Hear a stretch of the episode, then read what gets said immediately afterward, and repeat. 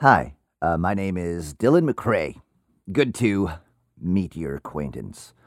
I'm the host, I guess you could say, of the upcoming series in this feed. It's called Real Legitimate Apparitions. Here's a trailer. I hope you enjoy.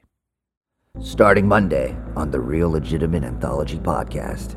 Five years ago, I set out on a journey to uncover a mystery that has haunted me my entire life. What happened when you were a kid to make you interested in ghosts? As far back as I can remember, something has reached out to me. I was told to contact you. From out of the darkness. I couldn't scream. From out of the fear. My body wouldn't let me. From behind the veil. Sometimes the afterlife can intersect but pull at a thread of the veil. with our current lives. and it might totally unravel. You saw him?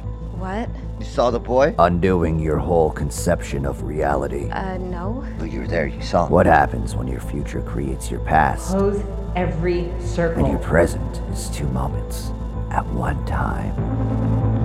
Real Legitimate Apparitions, the 10 episode miniseries, starts Monday as part of the Real Legitimate Anthology podcast. Subscribe now wherever you get your podcasts and rate and review in Apple Podcasts.